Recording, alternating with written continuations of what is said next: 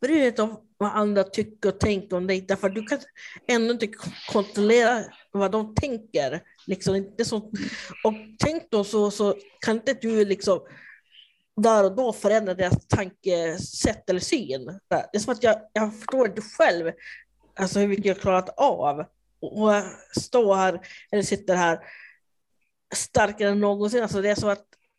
Säg något med så att du blir högst upp på störst bild. Säg någonting. Hej, stoppa LSS-krisen. Det var det. Stoppa LSS-krisen. Kanon.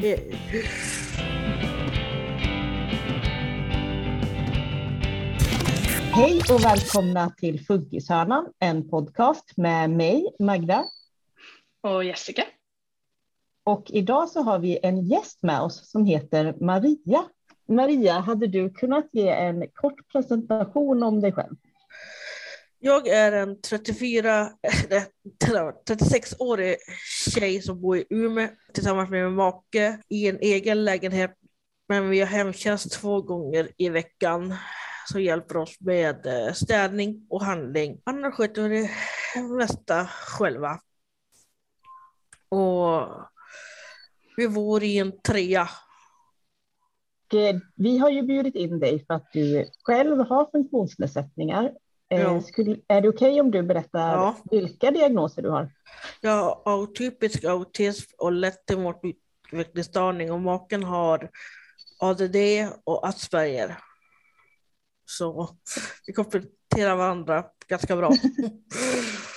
jo, men det kan jag förstå. Gifta länge? Uh, I fyra år. Okay. Mm. Jag har svårt att... Alltså tid så fattig för mig. Alltså, tiden går så jävla fort så... Bara, har det gått så jävla lång tid? Eh, jag tänkte fråga också, hur gammal var du när du fick reda på dina diagnoser?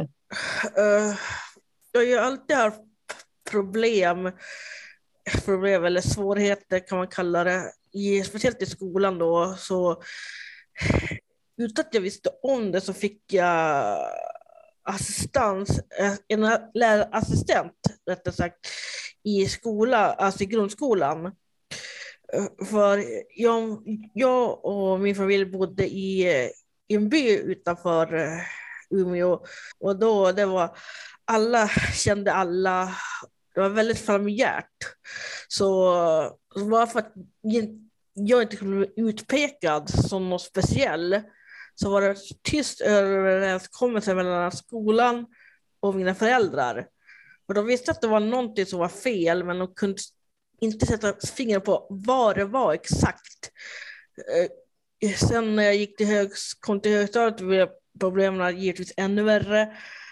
Men vi, vi trodde bara att det bara var eh, någonting som bara, ja, men jag har bara svårigheter med, ja, med att få kompisar och med att, eh, med någonting, men visste inte vad det var. Så då gick jag hela högstadiet, Det var svårt för mig och eh, jag tyckte högstadiet var jobbigt, men eh, gymnasiet var en helt ny nivå. Klassen jag kom till, det var, det var den värsta. och skolan också i och för sig. Skolan i sig var väldigt stor och svårt att orientera sig, svårt att hitta till klassrummen därför att det var så himla stort och det var så uppdelat. Så att då blev jag, jag blev ju mobbad av både lärare, kuratorer, kuratorerna, men speciellt då eleverna, blev jag råmobbad för. Eller rå, råmobbad. Alltså, det var... Jag hoppade av en och då började samma program igen därför att vi trodde att skolan hade förändrats. Naivt nog. Men samma problem hände igen. Jag blev mobbad av allt och alla. Och då satte satt vi ner foten därför att eh, jag blev så eh, traumatiserad. Jag inte ens vågade gå ut utanför dörren. Eh, för, för att underlätta för mig så flyttade jag och mamma in till stan så nära skolan som möjligt. För att underlätta sagt att jag skulle mm. eh, ha, ha gångavstånd till skolan i princip. Så då kom jag aldrig att glömma, jag, för jag var så sagt traumatiserad av all mobbing.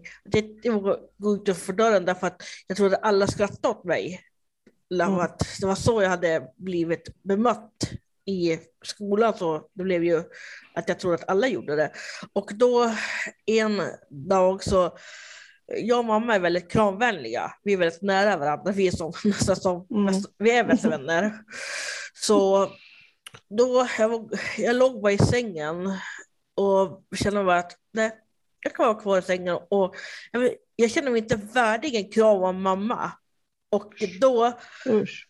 jag vet, och då förstod ju mamma allvaret. Det här hade jag gjort tidigare, hon vill inte ha en kram av mig, då, då är det allvarligt. Och mm. På kvällen kom jag ner och då var brast allting. Vi bara kramades och vi var förde ut och då sa vi, alltså du kan inte börja skolan förrän, börja skolan förrän vi vet exakt vad det är för, vi vill inte kalla det fel, men vad, ja, vad som ställer till det för dig. Mm. Och sådär. Så jag minns att vi gick till massa special, specialister. Eh, för jag har varit slängd hit och dit och hittad, dit, men ingen ville vill, vill liksom inte ta ansvar. Eh, till syvende och sist så träffade vi en som var utbildad inom just autism och de sa, du har den här, de här diagnoserna. Jaha, det det som förklarar dina känsloutbrott när du kom hem från skolan eh, och allt det där. Därför till syvende och sist så fick jag bara på ett helt ny linje på ett naturbruksgymnasium som eh, var inriktad speciellt för de som har problem, lite problem för, mm. för att gå en vanlig linje så att säga. Men före det så gick, eh, sa vi det att vi ska få reda på vad fan sen det är som ställer till det för dig. Och då vi fick de lösningarna, eller svaret, då var det bara, det var så självklart. Jag bara, mm.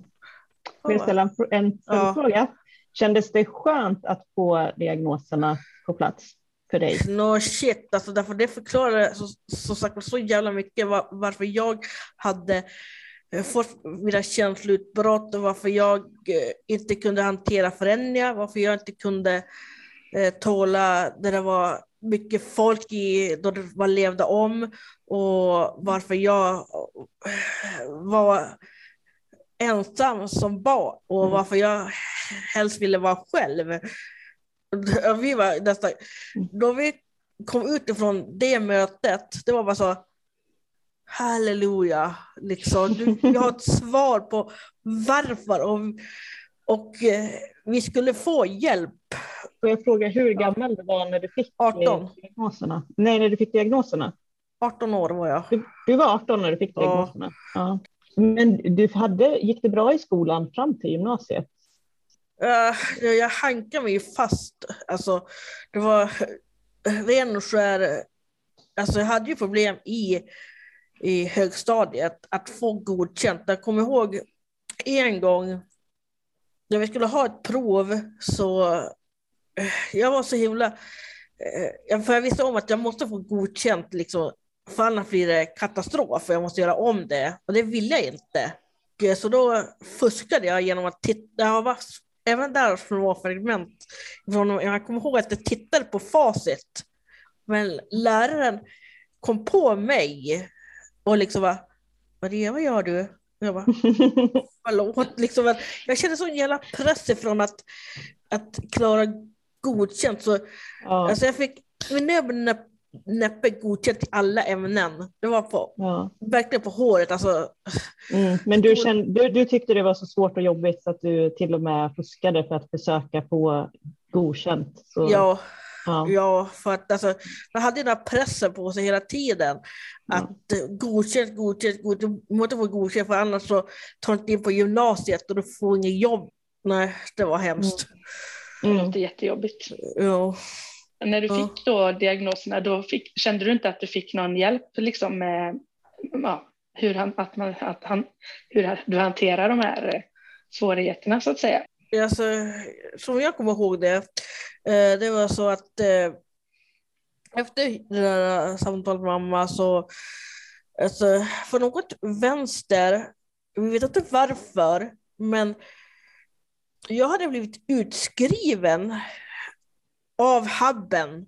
Vi, och vi vet fortfarande inte varför, därför att jag hade eh, varit eh, inne i systemet och någon underlig anledning så jag blev utskriven så jag var tvungen att eh, ja, söka nytt så att säga för att eh, komma in på hubben. Men det var så inga problem på den tiden, tack gode gud. Så att så fort eh, jag blev inskriven så hjälpen bara kom. All hjälp liksom. Mamma fick träffa en kurator på hubben för att prata. Jag fick prata med en kurator på hubben. Då fick vi prata, prata igenom, vi fick så här, hjälp i form av olika övningar, hur vi skulle hantera mina utbrott. Och jag fick också det, så att alltså, vi fick världens bästa hjälp från Habben. De var helt mm. underbara. Får du bra hjälp från vuxenhabiliteringen då, eller var det bättre på Barnhub? Eh, det är väl både, det är både positivt och negativt. Positivt är ju det att eh, man, kan ju, man får ju en enskild kurator och man får, får den hjälp man behöver. Men det, att det, alltså, den där tryggheten man hade på hubben, det var som bara, ja, det var så 70-90-talet, det var så mindre vuxet. Alltså, mm. Vuxenhabilitering har ju på namnet med mm. vuxet. Och som mm. är tryggt på hubben. Under skolan så berättade du att i gymnasiet blev du väldigt mobbad. Ja. Det var innan ni fick reda på dina diagnoser. Ja.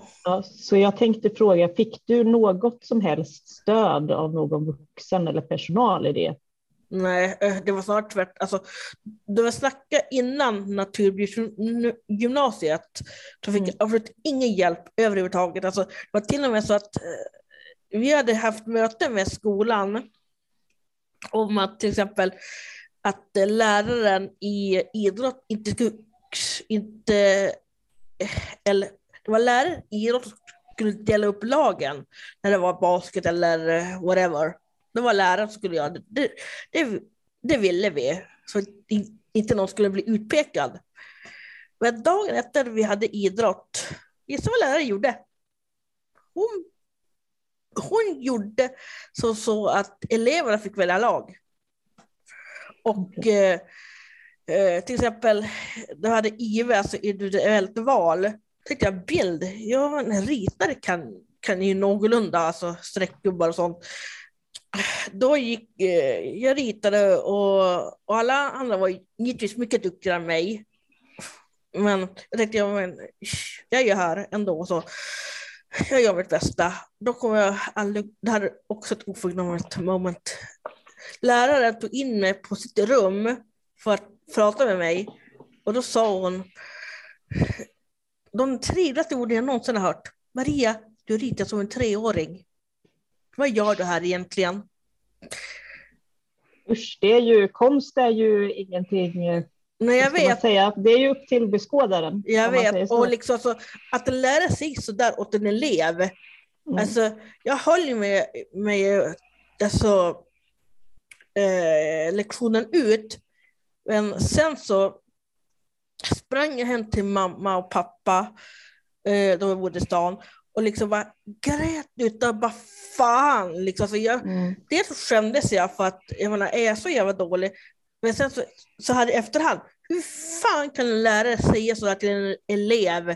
Att du mm. ritar som en treåring, vad fan gör du här? Liksom, alltså, det som, mm. så hade i efterhand så, alltså hela den tiden på den i den skolan, så allt var så surrealistiskt hela den tiden.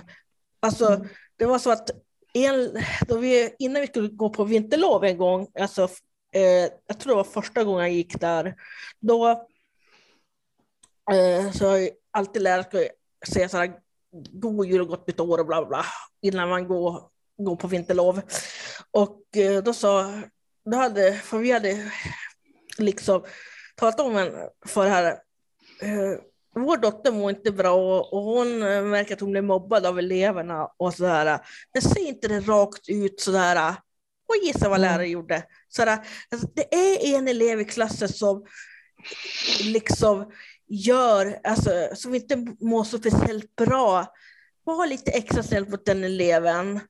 Och han sa det mm. rakt ut. Och jag ville bara sjunka igenom mm. jorden, för alla visste om att det var jag. Att mm. Alla visste om det. Att, det, är inte okay, det är inte ett okej sätt att bemöta ifall någon mår dåligt. Nej, alltså, men som sagt, hela den skolgången är så ett skämt. Så här, i efterhand ser jag som parodi. Liksom. Och en, jag lärde mig ändå en hel del hur mycket jag klarade av. Och det har gjort mig starkare. Alltså, jag, alltså, det är ing, finns ingenting någon kan säga mig som jag inte klarar av. Alltså det som jag tål så jävla mycket nu så jag är inte tacksam för den tiden men ändå så här, ja, det har gjort mig hårdhudad så in och håvete. Det kan jag känna igen eh, och det är bra att kunna se det positiva i efterhand. Men eh, det är väldigt hemskt att höra om lilla Maria och när du var liten att du behövde uppleva det. Jag vet. Det är inte okej. Okay. Det säger ju rätt mycket bara att du faktiskt vågade börja igen, tänker jag. Du hoppade då av och sen så gick du tillbaka till samma skola. Mm. Jag kom in på livsmedel så att uh, jag fick välja det jag kunde ta mig in på. Och det var just så pass livsmedel som har ganska låga intagningspoäng av någon anledning. Så... Okay. Men gick det bättre sen då med det här naturbruks... Eh, ja, det...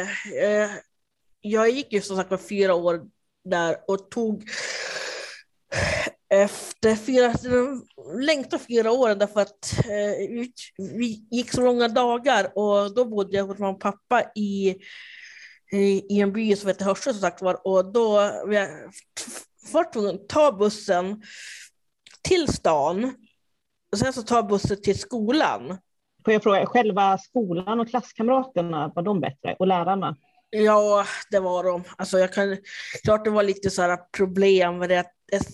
Så, vi var sex stycken i klassen, men att det var ju olika uh, personligheter och med olika svårigheter, så att mm. säga. Så,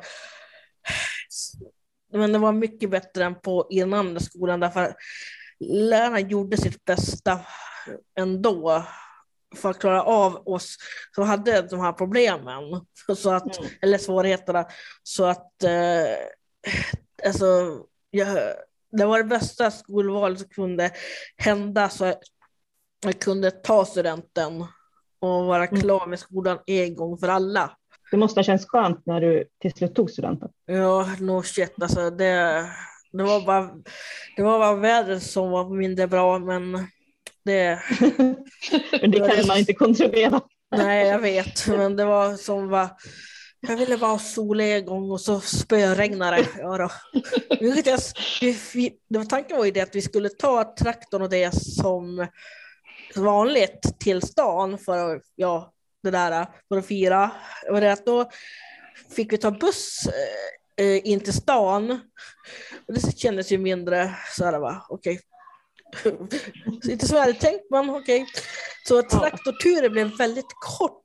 Det var typ bara fem minuter högst. Så vi fick åka så här. Och för att det regnade så himla mycket och det var det sämsta man kunde få på student. Så det var det som var smorken glädjen, liksom, alltså att vädret var, men annars så jag stolt efter att jag klarade av skolan och att jag eh, klarade mig det för alltid. Jag har mm. aldrig mer sätta mig vid skolbänk. har du någon kontakt med någon av klasskamraterna fortfarande? Uh, lite grann med det, att det är väldigt så här, vi har väckt ifrån varandra kan man säga. Lite grann har jag, väldigt smått med det att jag har några på Facebook och sådär, så att inte något mer än så. Att man träffas, utan det är mer att man ser vad de gör på Facebook. Tyvärr. Hur brukar folk reagera nu när du är vuxen om du berättar om dina funktionsnedsättningar för dem? Eh, ja, men det är lite olika. Alltså, i, I folk i min närhet, alltså släkt och så här, de, de är stencoola. De bara, tycker att jag är råcool och eh, ja, så här helt alltså, fantastisk och, och så här. Men folk som till exempel eh, frågar mig, varför kan inte du arbeta på ett vanligt jobb eller vad får en daglig verksamhet för? Men jag blir så jävla irriterad på sådana, alltså för att för det första går inte det att jämföra överhuvudtaget. Mm. Till exempel, då man är med jobb så kan man göra arbete, man ska vara social, man ska vara punktlig, man ska vara...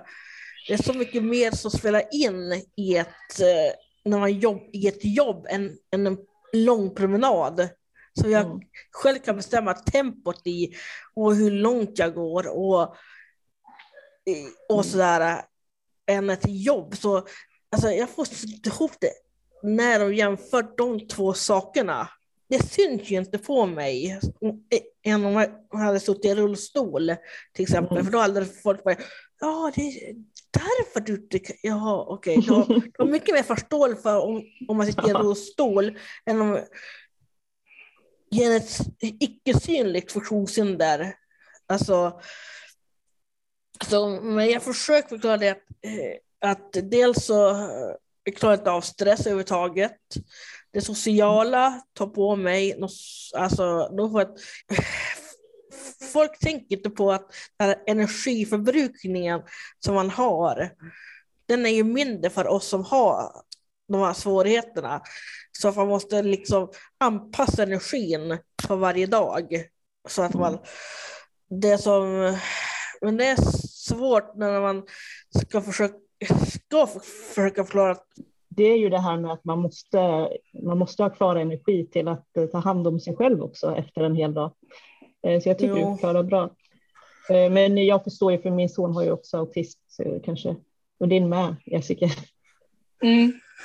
Mm. Jag kan väl också bara se till en sån grej när man, som både du och jag har en utmattning också. Det handlar ju också om mm. att prioritera sin, sin energi och vad man lägger tid och ork. Mm. Ja, jag har, jag, har ju, jag har ju gått in i väggen flera gånger. Alltså för att jag har varit med alltså jag, så här i efterhand när jag tittar tillbaka så förstår jag inte hur mycket jag har varit med om. Okej, okay, jag har klarat av allt det där. Det är som att jag, jag förstår inte själv alltså hur mycket jag har klarat av. Och stå här, eller sitter här starkare än någonsin. Alltså det är så att det är så overkligt på något sätt. Mm. Men är det några vuxna personer som är otrevliga eller kollar konstigt eller något sånt här? Alltså numera bryr jag mig inte, alltså för att om någon kollar så, alltså är jag på stan, alltså dels är, är har jag alltid på någon podcast eller eh, lyssnar på musik när jag är ute. För att eh, jag tål inte höra bilar och sånt där. Alltså, jag vill ha någonting att lyssna på. Så att och sen har ju morsan lärt mig det att alltså, bry dig inte om vad andra tycker och tänker om dig, därför du kan ändå inte kontrollera vad de tänker. Liksom, inte så, och tänk då så, så kan inte du liksom där och då förändra deras tankesätt eller syn. Så att mm. då är det mycket bättre, strunta i dem och liksom bara fortsätt gå. Och, så att jag är i min egen bubbla när jag är ute. Så att jag numera tänker inte på alltså, hur folk ser mig eh, och, eller hur jag uppträder eh, och så, så att det är som, då är jag verkligen i min egen bubbla och eh, ingen kan liksom störa mig utan jag är liksom avskärmad från omvärlden nästan. Gud vad, gud vad skönt det, det låter, för jag kan uppleva att en del stirrar väldigt taskigt på Vincent. Och då, det tycker jag, han tycker inte det är jobbigt, för han märker inte det. Jag tycker det är så jobbigt att se att andra tittar på honom på det sättet. Ja, eh, men då är det då man bara kan tänka, jag struntar i dig. Ungefär så, nästan så här fuck you-tänk, så här, fuck off, alltså det är det morsan har lärt mig att fuck off, liksom, du, du känner inte mig, du vet inte ingenting om mig, om varför jag gör de här sakerna och, eller varför jag går konstigt eller varför jag gör de saker jag gör. Så, alltså, och eh, hon har alltid varit eh, alltså, jag menar, gå din egen väg och strunta i vad andra tycker och tänker. Liksom. Det viktigaste är att du är lycklig och att du mår bra. Och sen så vad alla andra tycker och tänker så, det är ingenting värt. Alltså det... vilken, eh, vilken smart och klok morsa du har. Ja, alltså hon är alltså, hon har, som sagt, hon och jag är som, liksom vi pratar med varandra två gånger om dagen. Och eh, om, om, om jag ringer lite senare än eh, normalt, då bara, varför ringde du inte tid, vid den tiden det brukar för? Jag blir ju orolig. Mm. Så att vi, eh, det är så att vi har utvecklat så här, mm. vi, med tanke på allt vi har varit med om så har varit band starkare än någonsin. Du kanske pratar mer med mamma än med maken då? Ja, uh, 50-50 skulle jag säga. Ja. Det var en fantastisk lärdom som jag tycker alla kan ta med sig faktiskt. LSS tänkte jag att vi skulle prata ja. lite om också. Har du någon hjälp från LSS? Ja, jag har, jag har fast vi har, både jag och maken har samma insatser. Deltagare, mm. kontaktperson och hemtjänst. Men det har inte varit svårt för dig att få igenom, eller din mamma att få igenom insatser genom LSS? Nej, alltså vi, jag pratade med morsan om det där och eh, vi har varit väldigt eniga. Jag föddes i perfekt tidpunkt, liksom, både jag och maken, mitten på 80-talet. Det var den perfekta tiden därför att när vi gick i skolan så behövde man hjälp, fick man hjälp. Och det var så att eh, det var inget som ifrågasatte det. Och det var så, och så har det varit ända så länge jag har haft eller så, alltså, så, här, så under skoltid så har jag fått den hjälp jag har ansökt om. Det var, var, var det smärtfritt. Förutom då att eh, fylla i papper för Försäkringskassan. Men det så tack gode gud så kan, kan gör mamman det åt mig därför att hon vet om att det där är grekiska för mig att fylla i ett papper från Försäkringskassan. Eh, papper ska in hit och dit därför att och, och så där. Men, men vi har fått den hjälp vi har ansökt om, både jag och maken. När du var mindre, vet du om din mamma fick någon hjälp hemma eller så? Nej, alltså det jag kommer ihåg är att skolan som sagt var ju ett eh, helvete, men att de gjorde ju sitt bästa. Och jag kommer ihåg att eh, var det att jag hade problem att skriva, det kommer jag ihåg, och var det att skriva alltså A, B, C, alltså vi fick sitta i timtal, alltså antingen jag och antingen mamma eller pappa för att lära mig skriva. Och alltså genom att prata också så under grundskolan så fick jag talpedagog vilket jag hatade. För att varför skulle jag gå till talpedagog? Men jag pratade så himla fort och hastigt var när jag gick grundskolan och jag förstod inte varför. Men det gjorde ju de. De ville bara lära mig prata. Men det var så jävla... Det, det var, såg jag på den tiden som ett straff. Men nu är jag tacksam att jag gick där. Ja, men så är det kanske när man är mindre. Så så ser man att gå och lägga sig som ett straff till exempel. Det är ju ett, ett klassiskt skämt. Eh, de här eh, manifestationerna du brukar ha, eh, Maria, och att du har skrivit lite till politiker. Skulle du bara vilja berätta lite om det, varför du gör det och så? Jag, gör, jag manifesterar för att folk inte får hjälp av kommunen eller eh, Försäkringskassan i form av sjukersättning, assistans, korttidsboende eh, och så vidare. För att jag läser, jag är med i olika grupper på Facebook eh, och där jag ser hur folk ja, blir nekade alltså hela tiden av så jävla sjuka anledningar. Så då kände jag det att jag, menar, jag har lite ork. Uh, eller till och från mycket ork. Det varierar som sagt. Att jag, jag kan göra någonting. Och, och jag inspireras lite av Greta.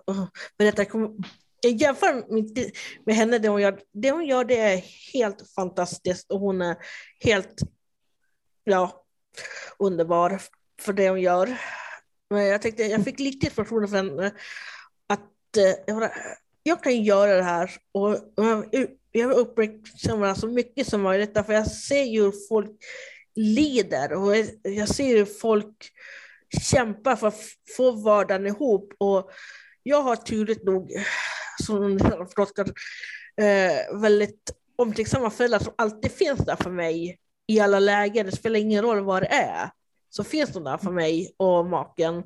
Eh, så, men alla andra som inte har samma stöd i form av föräldrar eller föräldrar som kan hjälpa sitt barn ekonomiskt och, och så, där, så då känner jag det här måste belysas därför att det handlar ändå till syvende och sist ett människovärde och att vad, vad vi vill vi ha för samhälle? Alltså, ett iskallt samhälle där vi bara bryr oss om sig själva eller ett samhälle som jag vill att Sverige ska vara, där man bryr sig om varandra och där, där de svagaste ska få hjälp utan att man ska ifrågasättas av varken folk, politiker eller myndigheter som det är nu. Därför nu är det så att man, Varför ska du söka hjälp för? Du behöver inte hjälp. Nej då. Och så att jag känner att jag fick nog. Så jag, då tänkte jag, jag kan göra det här. Det, det kostar mig inte mycket i form av, ja, kanske de mest också, men annars så, det kostar mig inte mycket och jag kan göra det här så bara för att belysa det så mycket som möjligt så då kan jag rätt. Det, det, vet, det kan jag göra. Tack. Jag tänker för de som inte följer dig men kanske lyssnar på oss ändå, mm. kanske vi ska berätta att eh, det är alltså att du brukar stå utanför ICA, är det va? Nej, Coop, Coop Forum. Coop Forum i Umeå. Ja, alltså varje så länge, lördag. Så länge, alltså de lördagar jag orkar och känner att jag det är ju mer på våren, sommaren och senhösten givetvis, därför då är det mycket kul att vara ute utan att man fryser ihjäl. Man står mest stilla. Då man, det, det är inte så att man går en kilometer och man, det blir på ett och samma ställe ungefär man står. Mm. Och eh, då äh, blir det mer, kommer det mer sällan nu under vintern därför att det som, jag vill inte riskera att bli sjuk Ja, och för att jag skulle ha ansiktsmask på mig så jag tog, jag inga onödiga risker. Därför att mm. ändå att jag har lärt mig så. Eh, och jag är egentligen ingen så här, utemänniska på vintern oavsett. Det är så att jag, jag och kyla är ovänner. Det är så att det, vi är inte bästa vänner. Jag ogillar mm. kyla så Flytta ner hit till Småland. Ja, eller till ett varmare land där, det, mm. där man skippar vintern. Småland, Småland är ett varmare land än Norrland. Ja, men jag, jag tänkte 25 grader. Jag vill ha, jag vill ha sol och värme. Ja. Eh, och du, du, brukar alltså, du brukar ju alltså då ha en skylt ja. eh, och sen brukar du, du brukar säga några ord. Där har du skylten ju. Fantastiskt. Stoppa LSS-krisen. Och så, och det är ungefär det du brukar säga ja, också? och liksom jag brukar bara... Jag sa att jag är inte direkt bekväm med att eh, skrika och jag vill inte eh, att politiker tar mig med förstörning av ordning eller vad det finns, den här lagen. Så, eh, så jag, är väldigt, jag är väldigt tyst av mig och brukar bara stå så här bara, så, jag vet inte vad folk tror men skit i. Så det är inget som kommer fram och vill diskutera då? Eller? Det har varit några, men det är väldigt få. Alltså för mm. att de förstår ju inte vad LSS är för någonting. Eller de tycker att, jag menar, varför ska jag bry mig och sådär. Och det är det jag vill uppmärksamma. Och sen så är det att de, speciellt, det är lättare kanske under våren, sommaren. För då har mer, folk mer tid. Alltså på hösten och vintern vill folk bara göra sina ärenden så fort som möjligt. För att vara mm. ute så lite som möjligt också. Det, och det förstår jag, alltså, det säger jag ingenting om. Och jag som sagt kommer mer inne på, nu på vintern för att det som, men det har varit några stycken som kommit fram till mig och frågat vad är det här och varför gör du det här liksom? Så att, Gud vad bra. Det räcker ja, med att det... du berättar för en person så är det, så är det lyckat tycker jag. Ja, och, och det att eh, jag ska inte vara med men att jag gör så gott jag kan, något mer kan jag inte göra. Nej, precis. Jag tycker det är fantastiskt. Jo. Mm. Vad säger du Jessica? Ja, men det är jättebra. Framförallt om folk faktiskt frågar också. Det var lite därför jag var nyfiken på att, mm. att, att kunna skapa en diskussion och lyfta det lite så.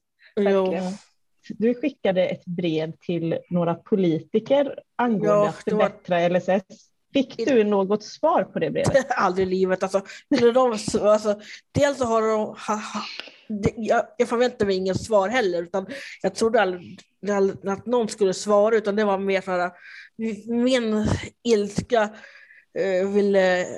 Eh, jag ville eh, eh, skriva ut min ilska till dem. Och sen så förväntade jag mig inget svar på något sätt, utan det var mer så här, okay, jag, har, jag har sagt mitt till dem och eh, jag, det var det enda jag ville egentligen, så att frustrationen måste ut till dem. Och då var det bara, okej, okay, jag skriver ett mejl och eh, sänder det till de berörda politikerna som eh, Förutom då Lena Hallengren så är det ju Nooshi från Vänsterpartiet jag mejlade. För det var de jag tycker, eh, liksom Lena Hallengren, det är förståeligt för hon är socialminister. Och Nooshi är för att hon, tycker jag, enligt min mening, hon bryr sig, försöker i alla fall bry sig om uh, de svagaste och vill verkligen belysa det, det är därför det, det är de som har fått igenom höjningen av sjukersättningen och bostadstillägg även för de som inte räknas som pensionärer. Och fin, finns det någonting mer som du skulle vilja säga som en så slutkläm lite på avsnittet till alla lyssnare? Eller? Ja, men det är väl det att jag vill att folk ska dela det här till nära och kära för att sprida liksom, budskapet hur allvarlig LSS-krisen är. Så att folk får ögonen för att jag gör inte det här bara för att få uppmärksamhet eller för att jag, gör det för att det är roligt, utan jag gör det för att det är verkligen ett problem. Och det, det är något jag brinner för och så att jag för att, eller jag menar, för att jag inte själv, men det är så, det är en självklarhet för mig oavsett att de svagaste ska tas, ska tas hand om, annars är det inget välfärdssamhälle längre, utan då är det ett, inget samhälle överhuvudtaget, utan det är bara ett skitsamhälle i, i, i mina ögon. Så att det är väl det jag vill ha sagt, att jag menar, Sverige kan bättre och jag vill att folk ska få upp ögonen för, för det här. Liksom. Eh, tack så mycket för att ni har lyssnat på det här avsnittet med Funkishörnan och Maria. Om ni har några funderingar eller kommentarer så vill vi jättegärna att, att ni skriver på vår Youtube-video eller på funkishörnan.podcast på Instagram eller Funkishörnans Facebook. Tack så mycket för den här gången. Hej då!